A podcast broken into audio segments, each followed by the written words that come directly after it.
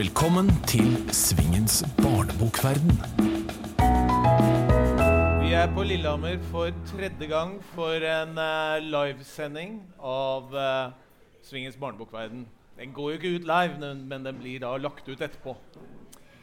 Det er uh, episode 38 som vi i dag skal gjøre live her på Lillehammer. Det betyr at til nå så er det altså 74 forfattere og illustratører som er intervjuet. Og dere blir jo da nummer 75 og 76. Oi, oi. Dagens gjester det er eh, Kaja Dale Nyhus, og det er Line Halsnes. Vi får en liten applaus for dem. Vi skal begynne med deg, eh, Kaja Linnea Dale Nyhus. Har du flere navn enn det? Nei. Men det er likevel to av de navnene da, som uh, lyder litt kjent i uh, kretser som driver med barne- og ungdomslitteratur. For du er jo da altså datteren til Gro Dale og Svein Nyhus. Ja. Eh, og vi må snakke litt om familie. OK. Hvordan var det å vokse opp hjemme hos deg? Det var veldig fint. Eh, og jeg tror at jeg gikk på en måte på skole eller? Bildebokskole siden jeg var liten. da. Uh, at uh, det var alltid Alt av tegnesaker og veldig mye som var lov. Og veldig mye som var tilrettelagt til å kunne lage ting. Og så jobba jo mamma og pappa hjemmefra, og man kunne alltid gå og se på hva de drev med, egentlig. Mm. Et uh, spørsmål jeg må stille. Ble det mye vafler med morsmelk? Nei, jeg har Gro sier at eh, hun Det var en tullehistorie, men jeg vet ikke helt sikkert. Du er ikke helt sikker, nei? Nei. Du stoler ikke helt på moren din? Jeg tror hun syns det er flaut. men det kan hende det er tull òg. Det var mye vafler. Det var det. Ja. Mye av alt, egentlig. ja. Veldig overflod. Maksimalisme. Men ble du noen ganger oppfordret til å f.eks. bli eh, ja, kanskje skal bli jurist eller tannlege eller noe helt annet? Nei.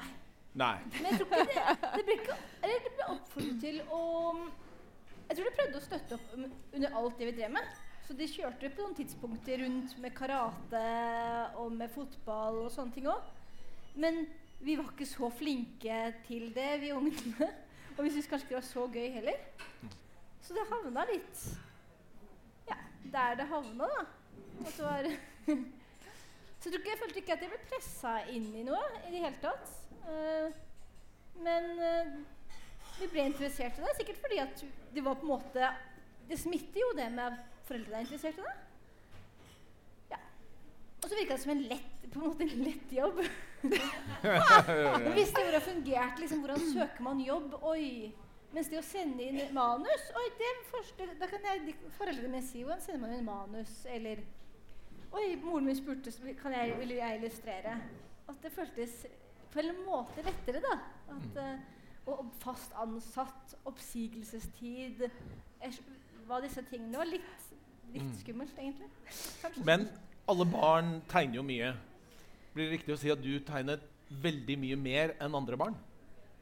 Jeg vet ikke hvor mye Jeg vet ikke. Jeg tegna veldig, veldig mye. Mm. Så det er alltid tusjstreker på alle ting, og meg selv. Mm. Så ja, det tror jeg alltid gjorde veldig mye av. Men du nevner at du har uh, lært litt om hvordan du sender inn et manus og sånne ting. Men likevel, hva vil du si er det viktigste du har lært hjemme som du bruker i dag? Um, tilpass uh, Prøve å kartlegge hva jeg kan, og hva jeg trenger. Og så tilpasse virkeligheten rundt det. Og jeg tror derfor kanskje også mange i familien at vi driver med noen av disse tingene. At, eller for at er, noen ting er stressende. Og det er kanskje mindre stressende for meg faktisk å jobbe hjemmefra. Selv om det da ikke er fast lønn og sånne ting, så trenger man jo ikke å gå til jobb hver dag. Uh, og det ja, At det også handler om Altså, jeg elsker det jeg driver med, men også at det handler om at det er en arbeidshverdag som jeg trives veldig godt med. Mm. Hva med rebellen i deg? Hva gjorde du for at foreldrene dine skulle rynke på nesa og bli irriterte? Jeg var utrolig litt rebell.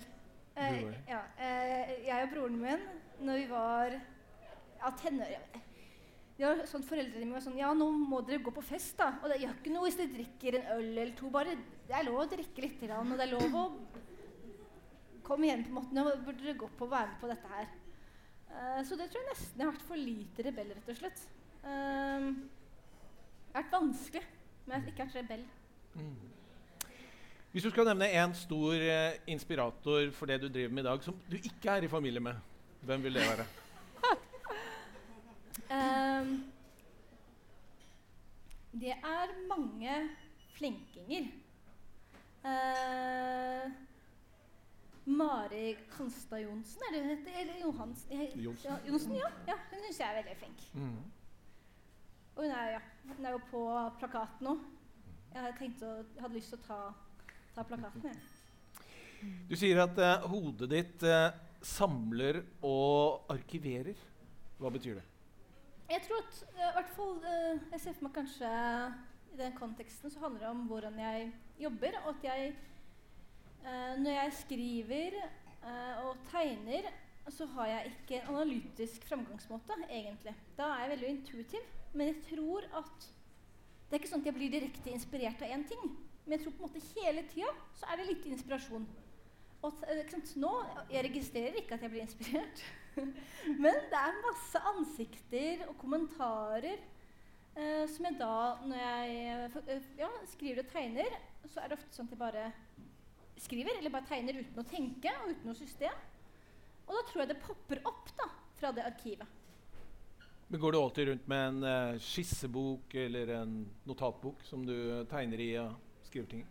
Eh, jeg sk i- veldig sjelden jeg skriver ned. Så tegning gjør jeg veldig ofte. Men eh, jeg tenker også at de tingene jeg glemmer Kanskje det er helt greit at de blir glemt. Eh, det er vanskelig å si. Da du begynte å utgi bøker, så begynte du da med andres tekst. Eller nærmere bestemt med én forfatters tekst, da, Ja. som du også har eh, fortsatt eh, med. Og det er jo da moren din. Ja. Hvordan kom det til at eh, dere to skulle begynne å jobbe sammen? Uh, ja, hvordan kom det til? Så i, Første gangen, faktisk, så var jeg veldig liten.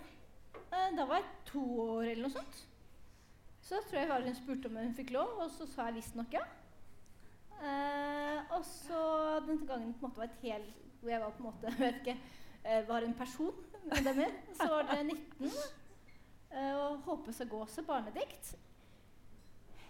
Jeg tror at hadde jeg på en måte Jeg hadde begynt med å tegne mer seriøst, og kanskje hun Jeg vet ikke, jeg husker ikke helt hvordan hun spurte. Ja. spurte vel om jeg var interessert i å prøve på det.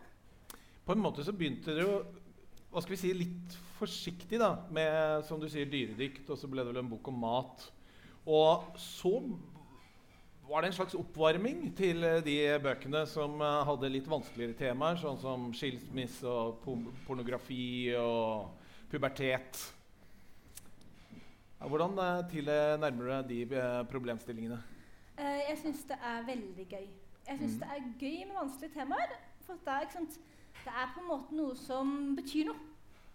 Eh, og så er ja, eh, Jeg syns det er gøy med å lage fint også. På en måte Å lage eh, in interessante dyrediktbilder til det, og, eller matdikt. Men det er ekstra gøy med vanskelige temaer og viktige temaer. Men jeg synes kanskje at moren min er ikke veldig opptatt av at det er viktige temaer. Mens jeg er nok enda mer opptatt av at det er interessant, at det er gøy. Til nå har du da, Vi skal komme til dine egne bøker, men eh, til nå har du bare samarbeidet med én annen forfatter. Er det noe du kunne tenke deg å utvide etter hvert? Uh, ja, jeg har ikke tenkt, det er ikke farlig for meg, men det, høres, det har vært veldig interessant. Fordi at eh, når jeg og moren min jobber, så er det veldig Vi er tett, og jeg forstår litt hvor hun kommer fra. Ofte, ikke sant? Jeg vet på en måte hennes vet, hvem hun er. Uh, og kanskje hun vet litt hva hun kan forvente, hva, hva slags tegninger som kan komme ut av det, og hvor mye hun, kritikk hun kan gi, og hvor mye jeg kan spørre ja, ok, på hvilken måte mener du nå?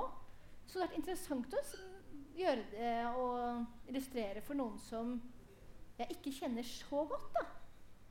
Uh, det er litt skummelt òg. Tenk om de på en måte ikke tør å si at de ikke liker det de får. Faren din Svein, har jo vært uh, gjest i denne podkasten før, og han snakker om at han eh, tegner om igjen og om igjen og aldri er liksom helt fornøyd. Er det noe du kjenner deg igjen i? Nei, vi er veldig forskjellige. Er det? Ja.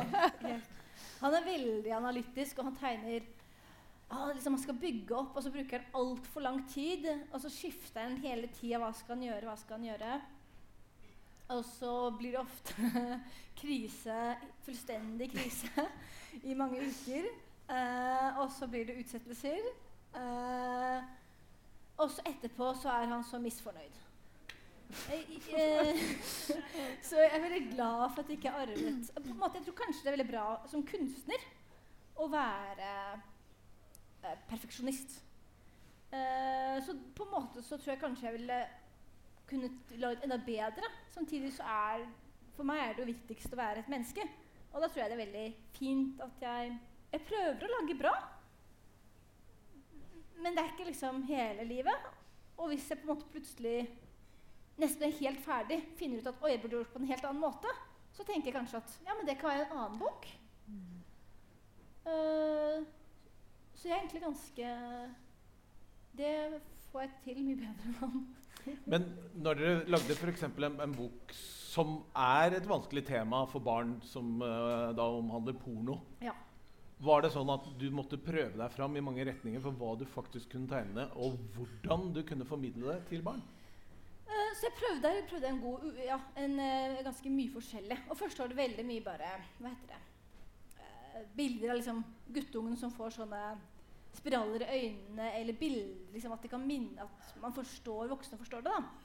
Men jeg valgte også å ha på en måte hva skal jeg si, pornosituasjoner som også så at man så pornoen. At f.eks. et sted så ser man en, eh, på en måte en dame da, som blir tatt i doggystyle. Eh, og også et annet sted hvor det er noen pupper. Eh, og da tenkte jeg at hvis det er for ille eh, Jeg spurte også om det var for ille, men da burde redaktøren min stoppe meg. Eller eh, moren min stoppe meg. Eh, og også kanskje at mm, At det var viktig å vise på en måte pornoen i det, for ellers er det vanskelig for at barn kunne fått Visstnok så ser barn eh, veldig mye porno. At da kan de gjenkjenne det.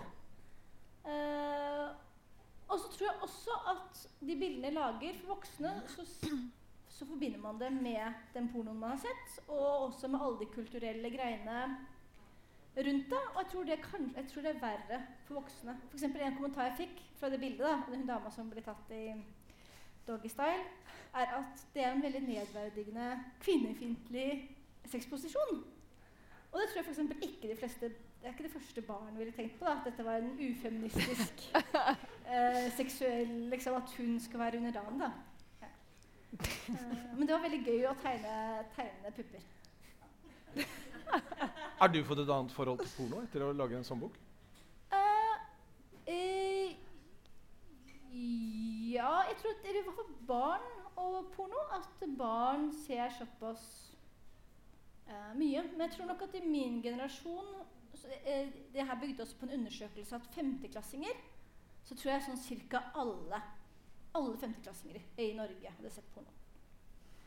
Eh, det er også mange som har sett det i barnehagen, men det er ikke alle. på en måte da. Men, eh, og jeg tror nok at moren min ble veldig overraska. Hun er eh, født i 62. Så jeg tror at for henne så var det sånn Hæ, er ikke porno på en måte det er Ser barn porno? Jeg tror for min del, som ikke er så ung, så var ikke det så rart. Um, at jo, det første sted, Et av de første stedene jeg så porno, var at jeg gikk forbi eh, på skolebiblioteket. Og da var det noen som så på porno. Ja, og på en måte at i, i klasserommene, da. Eh, men det var ungdomsskolen, så det er jo litt eldre, da. Men ikke så Åttende klasse og femte klasse er jo ikke så stor forskjell, egentlig. Så kommer vi da til eh, 2014. Da debuterte du med egen bok. Ja. Vil du høre en hemmelighet? Og siden har det blitt én uh, bok i året. Eh, blir det ny bok i år, forresten? Ja, skurkebok. Skurkebok? Ja. Den kan du kanskje fortelle litt om etterpå? eller? Ja, Gjerne. Men først Hvorfor begynte du å skrive egne tekster? Hva skjedde? eh, så jeg syns alltid det er gøy å skrive også. Eh, og mm, på en måte det å lage et eget prosjekt er jo noe litt ja, eh, annet. Jeg tror, det begynte, jeg tror det begynte med enkle skoleoppgaver. Begge de to første bøkene. Eh, og på en måte det å ha en Når man er illustratør, da, eh, at man har, å ha en tekst å illustrere til, det kan man, man Noen kan spørre deg vil du illustrere til boka mi, men ellers er det ikke det så veldig lett å bare finne en tekst.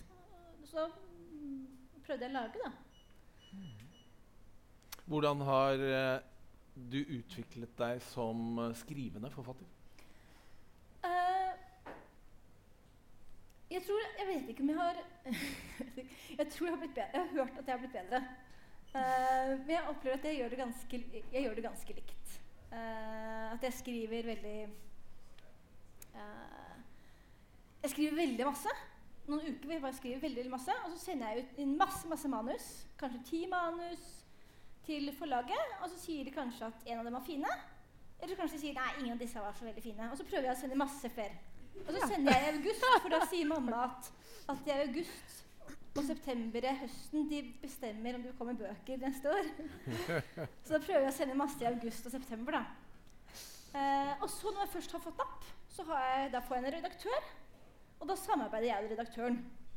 Og da egentlig bare er det og redaktøren som sier et eller annet, og så må jeg kanskje rette opp, da. Så det betyr rett og slett at du har ganske mange ideer du, som går innom forlaget?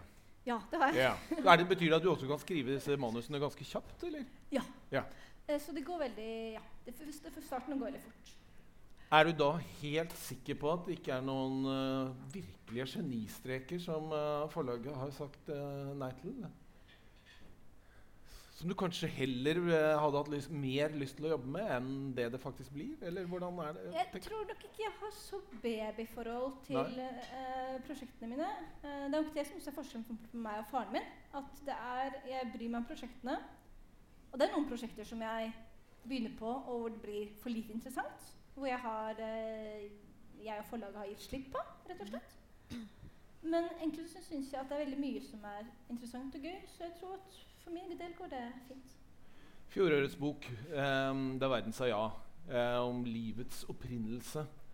Eh, var det liksom Jepp, nå skal jeg lage en bildebok om akkurat det? Var, var det sånn ideen kom? Eh, Det kom som egentlig en eh, Det var en skapelseshistorie, men det handla ikke om Det var ikke så evolusjons... Det var ikke så riktig. Det, det var en skapelseshistorie om en jeg-person som roper på ting. At jeg roper på mamma, så kommer mamma. Jeg roper på huset, for, for det begynner å regne, og så kommer det. Så den var veldig annerledes. Og så ble den mer og mer Og det er også veldig fin redaktørhjelp, hvor eh, da Steffen sa at eh, jeg burde lage mer eh, At det mangla en på en måte en eh, skapelseshistorie som var både ganske realistisk, men også poetisk. At det er masse, det er masse skapelseshistorier. Men det var ikke så Ja, han mente i hvert fall det. Så Så i veldig i samspill med redaktøren din så kom du da fram til det som ble boka i fjor. Ja. Mm. Jeg får som regel ganske mye hjelp. Hva med skurkeboka som kommer i år? Har det vært veldig mange prosjekter som, har, eh, som ikke har blitt noe av før det ble til denne? Imellom? Sikkert i august og september, men den her tror jeg at uh, Den tror jeg at uh, jeg, husker, jeg husker ikke de prosjektene som ikke blir noe av. Nei. Eh, Det, det legger du rett og slett bak deg? Ja. Mm. Men det var forskjellige skurkeprosjekter, da. Ja. Men det ble Men, men, men dette med august og september, er dette et tips du vil gi til andre forfattere? At da Ja. har de både ekstra god tid, for da skal de lese seg opp på neste år, og så skal de planlegge neste år i tillegg. Jeg tror det er bra. Men det kan hende at da hadde jeg på en måte allerede da kjente redaktøren, så visstnok redaktørene leser bruker lengre tid til å lese ting de, folk de ikke kjenner. Mens hvis de på en måte vet hvem du er, så kanskje det tar sant, noen uker istedenfor noen måneder. Så det kan hende at man burde egentlig sende inn da nå. ja. Liksom, Ja. Kanskje nå. i Så leser de, leser de det i august og september, kanskje. Ja, kanskje. Mm. Men Skurkeboka, kan du eh, fortelle oss litt om eh, hva slags bok det er? Ja, det handler om en unge eh, som blir dratt med på et skurkemøte. Og så Jeg syntes det var veldig gøy med skurker da jeg var liten. Jeg ville være veldig tøff. Jeg hadde sånn skinnvest. Første skoledag, alle jentene hadde sånne fine kjoler. Og jeg hadde skinnvest med sånn sydd på. Og jeg hadde fått mormor til å sy på sånne kule merker. Eh, så det er på en måte litt inspirert fra det. Så da har vi, vi har morderen, vi har veskenapperen, vi har terroristen. Vi har raneren. Vi har ikke Redaktøren min sa nei til barnenapperen, voldtektsmannen og hvitsnippforbryteren.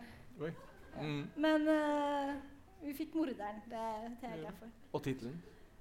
Sjokoladeskurken. Så det er litt sjokolade involvert i Det er i sjokolade. Det er som på en måte hovedpersonens skurkerier er, er da. Mm. Nå skal vi få inn uh, Line Halsnes i samtalen også. For hun har, du har jo sittet her og vært uh, taus nå i uh, 20 minutter. Um, så velkommen til deg. Tusen takk. Veldig hyggelig å være her. ja. Og, um, du er jo en, som har, nei, en illustratør som har uh, illustrert for mange forfattere. Ja. Og så har du to egne bøker.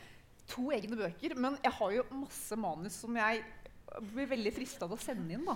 Jeg, Ja, jeg er kanskje ikke så raus til å sende inn. Jeg tviholder kanskje litt for lenge, men eh, jeg fikk en veldig godt tips her. Men jeg har to egne bøker. Ja. Ja, så du har masse manus, så du kunne kanskje sende inn en sånn bolk med en ti-tolv stykker? det er det, men manusene mine de er litt, Jeg jobber nok litt annerledes enn både deg og faren din. Jeg har eh, sånn, en sånn million Post-It-lapper med sånne stemninger og ting som jeg syns er så viktige. Og sånn, å, den her med sånn lyset der og stjer... Yes. Så skriver jeg en sånn liten sånn, sånn der. Og så har jeg den der, teiper den opp på veggen med sånn um, teip. Og så eh, blir den der en god stund. Men så blir det, jeg samler de sammen til en slags historie etter hvert. da. Men det er, eh, jeg veldig, sånn, jobber veldig fragmentert. Så derfor jeg, bruker jeg veldig lang tid. Men uh, det blir en bok av og til. Det gjør det. Men det høres litt fremmed ut for deg å sende inn uh, noe som flere prosjekter og håpe på det beste. Som Ja. du Ja. Ja, det er det. Er det. Em, jeg skal stille dere begge noen, noen spørsmål som jeg har lurt litt på, i og med at dere er illustratører. da. Em, begge to. Hvis dere skal velge én kvalitet som dere særlig ser etter hos andre illustratører, hva vil det være? Hvem vil svare først? Ja. Eh, hender. Om de er gode på å tegne hender. Oi. Det har jeg blitt veldig ja, obs på, egentlig. For jeg har vært, uh, uten å vite det, litt dårlig til det sjøl. Og så har jeg begynt å legge merke til at det må jeg bli bedre på. Og da ser jeg også liksom, om andre er gode på det. Ja, for jeg har også hørt at det er veldig vanskelig å tegne hender. Så, men jeg har blitt veldig flink til å tegne hender med fire fingre. De er ikke så verst, ja. Ja, mine hender er sånne gafler. Hvor er like lange alle sammen. Er det, men hva ser du etter, Kaja? Førsteinntrykket kanskje mye farver. Ja. Mm. Jeg har sett at noen har kalt din stil litt naivistisk. Er det en, nå er jo dette med merkelapper vanskelig, da, men er det noe du kjenner deg igjen i? ja, det tror jeg veldig. Mm. Og det, det som er fint med naivistisk stil, er at f.eks. at ja, jeg er ikke så god til å tegne hender. Men da, ikke sant, da er det ikke dårlige hender, det er bare kunstnerisk og naivistisk. Man kommer unna med ganske mye. Så vil jeg vite, er det én spesiell ting ved deres arbeidsmetode som dere tviler på at andre bruker? Som dere gjør annerledes? Nå vet jo Jeg vet, vi sitter jo ikke over hverandre, og sånne ting, men illustratører Du eh, har jo illustratører i familien, og du har jo sittet i kontorfellesskap med andre illustratører. Ja. Oh, nei, det var et veldig godt spørsmål. Og nå må jeg virkelig tenke. Det er sikkert det, vet du. Jeg tror jeg har begynt med sånne strekmønster som jeg helt spesifikt ikke tror noen andre har. Mm. Jeg herma etter van Gogh. Men hvis jeg hermer etter noen som er såpass langt fra min egen stil, så syns jeg ofte at det funker um, mye bedre. da. At for eksempel Hvis jeg hermer veldig etter Tove Jansson, som er ganske litt likere stil, så kan det fort bli at jeg bare kopierer. Men hvis jeg hermer etter noe helt annerledes, så syns jeg ofte at det kan funke. Line? Nei, vet du, jeg veit nesten ikke hva jeg skal si. Ja. Nei? Nei. Men Men jo, kanskje. Altså, når jeg tegner altså Jeg er veldig opptatt av at skissene at det skal komme litt fort. At jeg ikke skal sitte og tenke for mye, for at det kommer litt sånn impulsivt. Så jeg har, Når jeg vesser blyanten min, så blir det en sånn bolle med sånn blyantstøv. Og så pleier jeg sånn, å ta hendene ned der, så farger jeg litt arket med det. Og så har jeg sånn knettgummi, sånn mykt viskelær, som jeg på en måte visker. Så da tegner jeg veldig raske skisser. Kanskje Jeg vet ikke om andre gjør det. Men det var kult. Kanskje, ja. Så jeg, det er derfor jeg ofte har sånn, sånn svart hender. Eh, ikke i dag, da har jeg vaska dem. Men, eh, ja, men for å få det litt sånn fort tegna. Ja. jeg har bedt dere om et spørsmål til hverandre. Skal vi begynne med ditt uh, spørsmål, Line? Ja, du får litt innpå deg. og det er litt morsomt, for du sa ikke noe særlig om det. For jeg la merke til fargebruken din. Du har veldig sånn dramatisk, fin palett som jeg ikke har sett så mange andre steder. Eh, Tenker du så, sånn symbolsk Eller apropos den der kvinnen i Doggystyle var jo sånn ekstremt sånn sjokkerende gul. Ja. Tenk, hvordan tenker du i forhold til egen fargebruk? Eh, som, noen ganger tenker jeg eh, eh, ja, symbolsk. Men som regel tenker jeg bare så jeg, eh, Først finner jeg meg, meg en palett. Og det er ofte heller det at jeg tenker hva slags bok er dette. Så for eksempel Pornoboka har noen sånne hverdagsfarver. På en måte Forskjellige hudfarver, brunnyanser. Eh, og så har den jeg vil kalle det ubehagelig gul og ubehagelig rød og rosa. Som er veldig sånn, både veldig sånn faresignaler og kroppslig. Eh, men noen av de andre er mer Jeg tror at jeg prøver å finne bokas stemning først, kanskje. Og så en palett. Men jeg tenker ikke hvert bilde på samme måte. Nei, Kaja, skal vi ta ditt spørsmål til Line? Jo, jeg lurte på hvordan du jobber med tekst og bilde. Hvordan, om de utvikler seg sammen, eller om du gjør teksten nesten ferdig først. Eller hvordan, om de påvirker hverandre i prosessen. Da. Det er veldig sammen. Eh, men det er litt, i hvert fall på den boka jeg jobber med nå, eh, så er det eh, først altså, Jeg skulle ønske jeg klarte å skrive en hel tekst.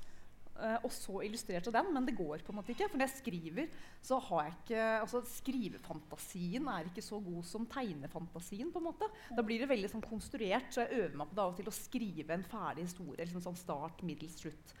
Og så har jeg nå begynt med å så illustrerer jeg, så tegner jeg sånn liten sånn storyboard med masse bilder. Og så tegner jeg liksom sånn Og da blir det jo noe helt annet enn den teksten. Og når jeg da ser på de bildene igjen, så prøver jeg å skrive historien til den, og da blir det noe helt annet enn den. Og det er egentlig ganske fiffig, for i bildene så skjer det ting jeg ikke hadde kommet på om jeg skulle skrive. Så derfor er jeg egentlig helt nødt til å liksom tegne meg fram til noe.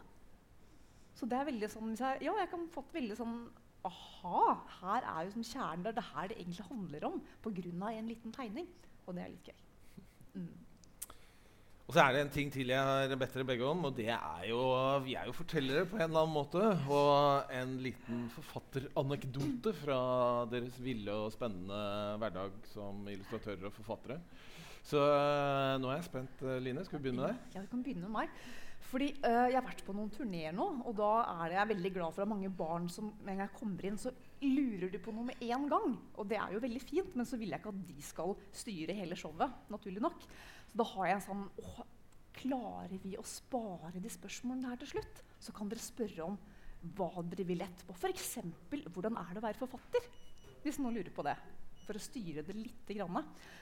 Og med en gang jeg begynner å snakke, så er det noen hender i været. Og så har jeg lært at jeg skal ikke la de slippe til alltid. Det, det la jeg de vente. Og så var det en gang, og så var det en liten gutt.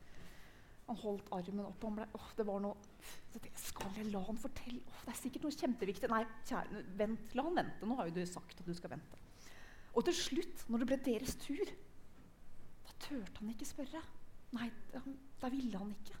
Og helt på slutt, når jeg hadde pakka sammen, så sto han utenfor og venta. Jo, han turte likevel. Åh, det er sånn, hva Jo, hvordan er det egentlig å være katt? Oi! Og så svarte han selv Eller det veit vel ikke du? Og så løp han. Stakkar. Så jeg fikk aldri svart på hvordan det er å være katt. Men det er uh, Ja. Jeg syns han var veldig søt. Han var det. Men du hadde et svar til han. Ja, Uh, jeg, jeg ville jo ha hatt det. Mm. Ja.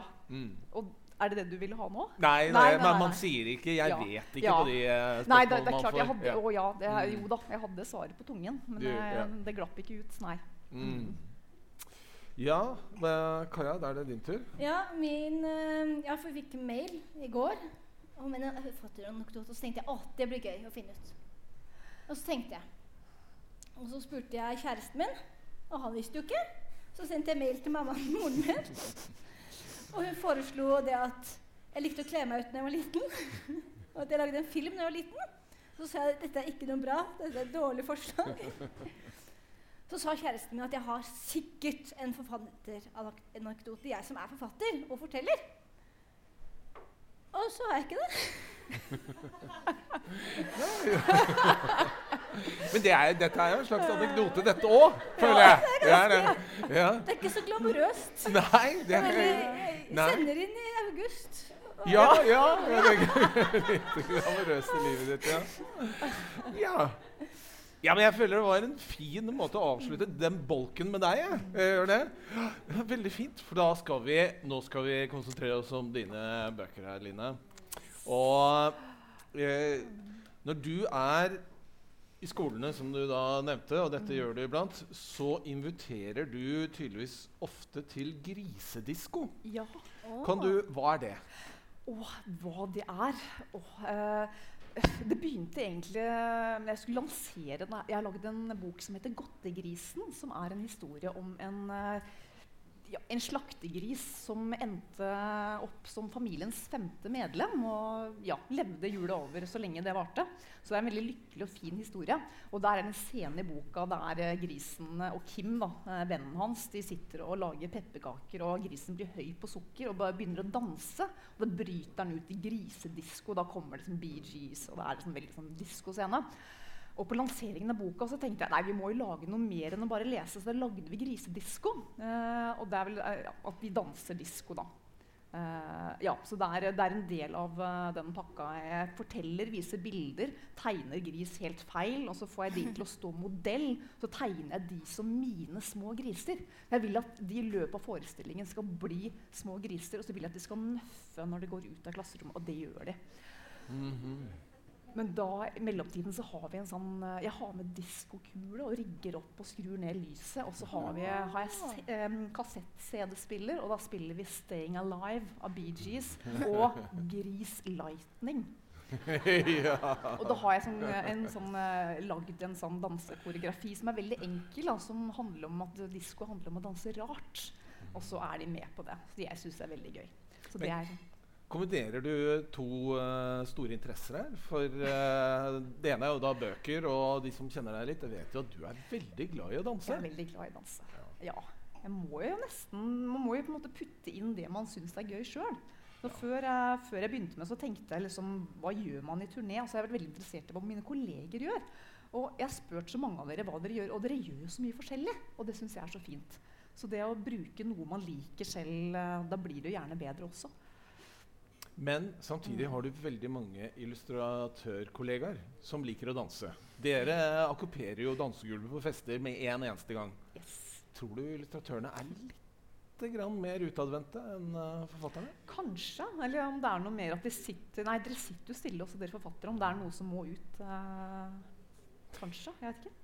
Du har sagt at som illustratør så liker du å leke Gud når du illustrerer. Ja.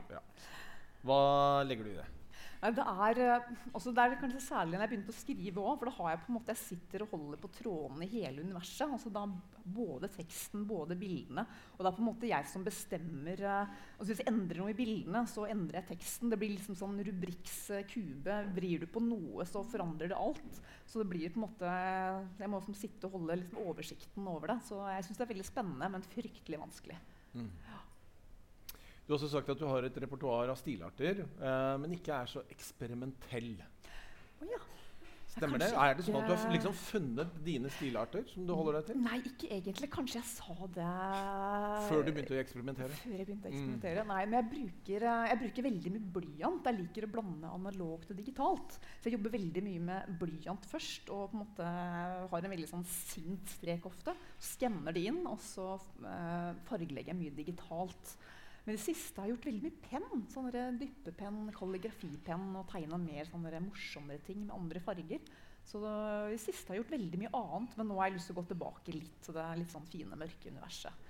Så det jobber jeg med nå. Mm. Er det riktig å si at du er tiltrukket litt av det mørke? Ja, Mm. jeg er det, altså. Eh, som Er- student var jeg veldig opptatt av Dave McKean. Altså, alle vi som studerte i England, hadde gjerne Sean Tan, Dave McKean. Det var noen sånne som måtte, vi bare måtte ha, rett og slett. Mm. Så det er nok eh, Ja, det mørke syns jeg er fint. Er du også litt tiltrukket av uh, våpen? Det var et ledende spørsmål. Ja. Det er, ja, uh, jeg er det. Altså, jeg var, eh, I 2001 var jeg førstegangstjeneste i Indre Troms. I dag er det jo veldig mange kvinner som er det, men eh, da var det veldig få. Så I leiren vår eh, oppe i kavalerileiren, vi har 1000 gutter, så var vi vel fire jenter. Ja. Så eh, Men var du bare i førstegangstjenesten, eller var din karriere i Forsvaret litt lenger? Nei, det var, altså jeg var innom befalsskolen, så kom jeg ikke inn. Og så tenkte jeg å ta førstegangstjenesten før jeg begynte på nytt. Men etter det året i førstegangstjenesten så var jeg veldig sånn Befalsskolen, kunst- og håndverksskolen. Jeg sto veldig og vippa mellom de to. Og den gangen tror jeg at eh, egentlig hadde det vært det samme hva jeg hadde valgt. Mm. Begge deler tror jeg kunne ha fungert, men i dag så er jeg veldig fornøyd med at jeg valgte eh, kunsten. Vi har jo snakket litt om eh, familien til Kaja, Mm. men eh, familien din, den, Ja. de er, er, det, er det noe militære som er bakgrunnen der? Ja, også jeg har en far som er eh, maskiningeniør i Forsvaret. Han, eh, jeg har vokst opp med masse magasiner av Forsvarets forum og hans oppfinnelser. Eh, jeg husker særlig han kom hjem en dag da jeg var liten, og da drev han og jobba med en ny sånn utkaster til bombekast... Nei, vent da, hva var det for? En sånn røykegranatutkaster for å montere på beltevogn 206. Og det, han hadde funnet en måte altså Det her var sånn 45 grader ut, og det var så så langt. Og det her var noe veldig nytt den gangen. Og da kjørte han den her, altså, monterte den på bilen vår, kjørte ned på jordet og så bare dro opp og bare røykla hele jordet. Vi har en del eh, jord hjemme. Og naboene begynte å ringe hverandre. 'Hvor er det brenner?' hvor er det brenner? Og så er det åh, nei, det er bare Odd, faren min heter Odd, da, som har gjort det. Å ja, det er bare han. Så det var, eh, jeg blei liksom veldig inkludert i hans oppfinnelser, rett og slett. Så eh, ja, kanskje det har smitta litt over, at jeg blei veldig nysgjerrig på militæret. Så derfor valgte jeg førstegangstjenesten. Men hvis jeg hadde bedt deg nå om å tegne en detaljert beltevogn 206, hadde du klart Ja. det fra hukommelsen? Ja. Mm. Og med en del f.eks.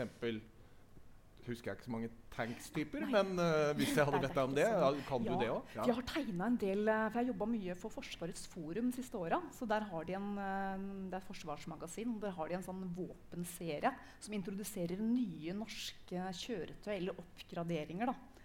Så da var det en sånn CV90-vogn som f.eks. fikk den som gummibelter istedenfor. Så det er sånn, sånn, da blir det en ny tegning. Så det er som skjer ting, eh, det skjer spennende ting i det norske forsvaret. Det gjør det. altså. Ja. Mm.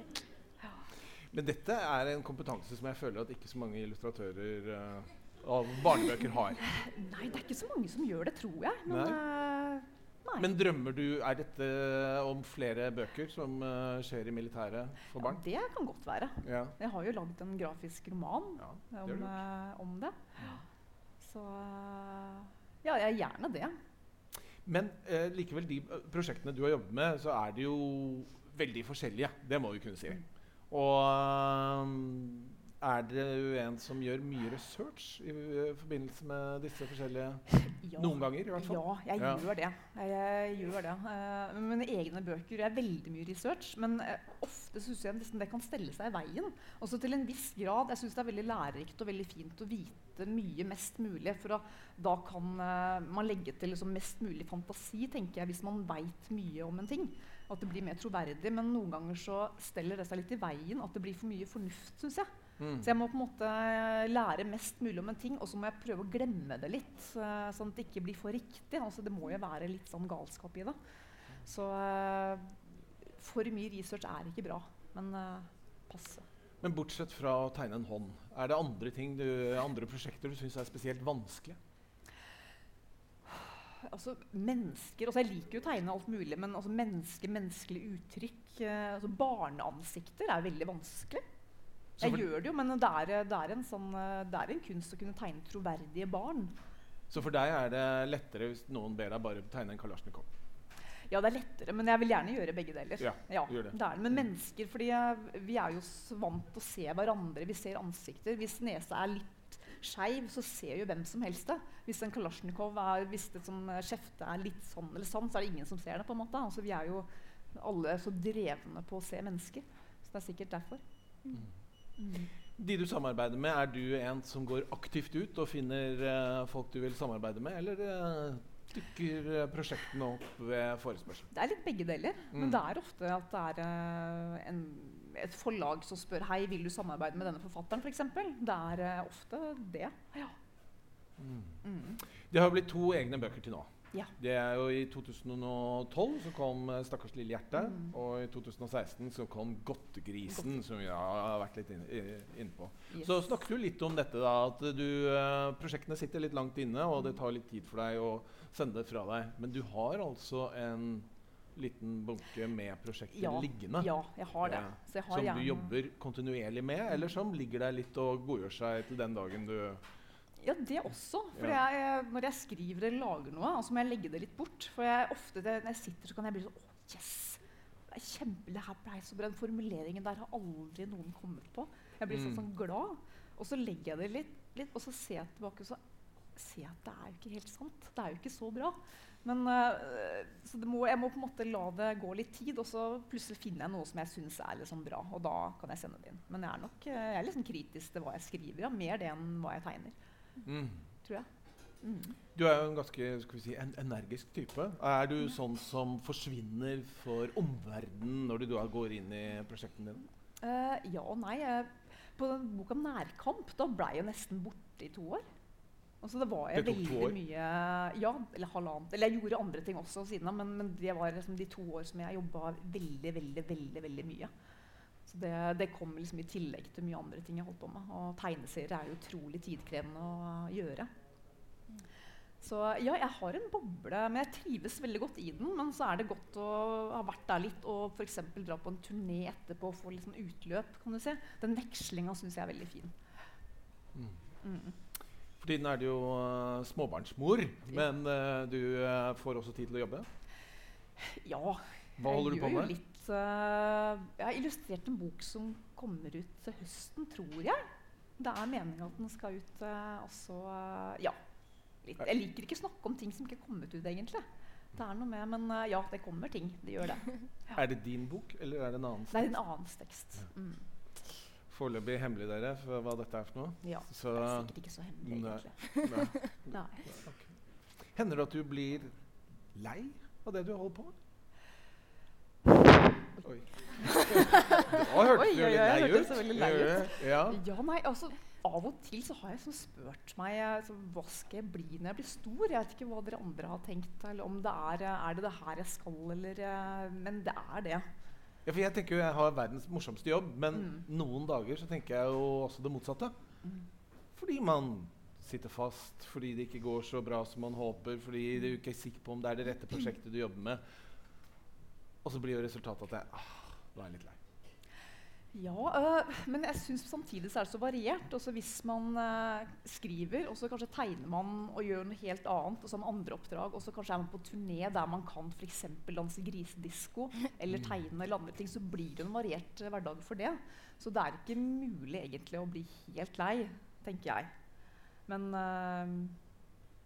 noen ganger så tenker jeg at også kanskje det hadde vært sunt hvis jeg en dag i uka jobba med jordbruk, f.eks. Mm.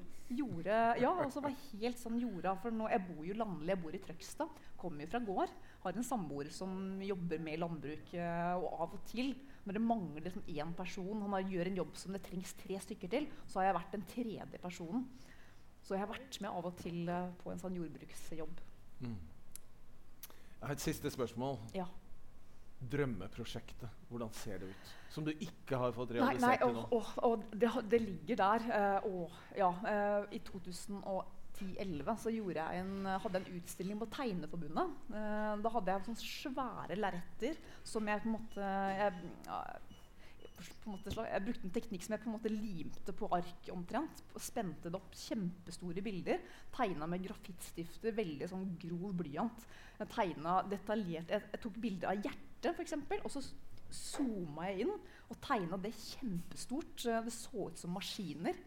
Så det, kroppen er jo en slags maskin, og jeg er veldig glad i maskiner. Men da tegna jeg organer som så ut som maskiner.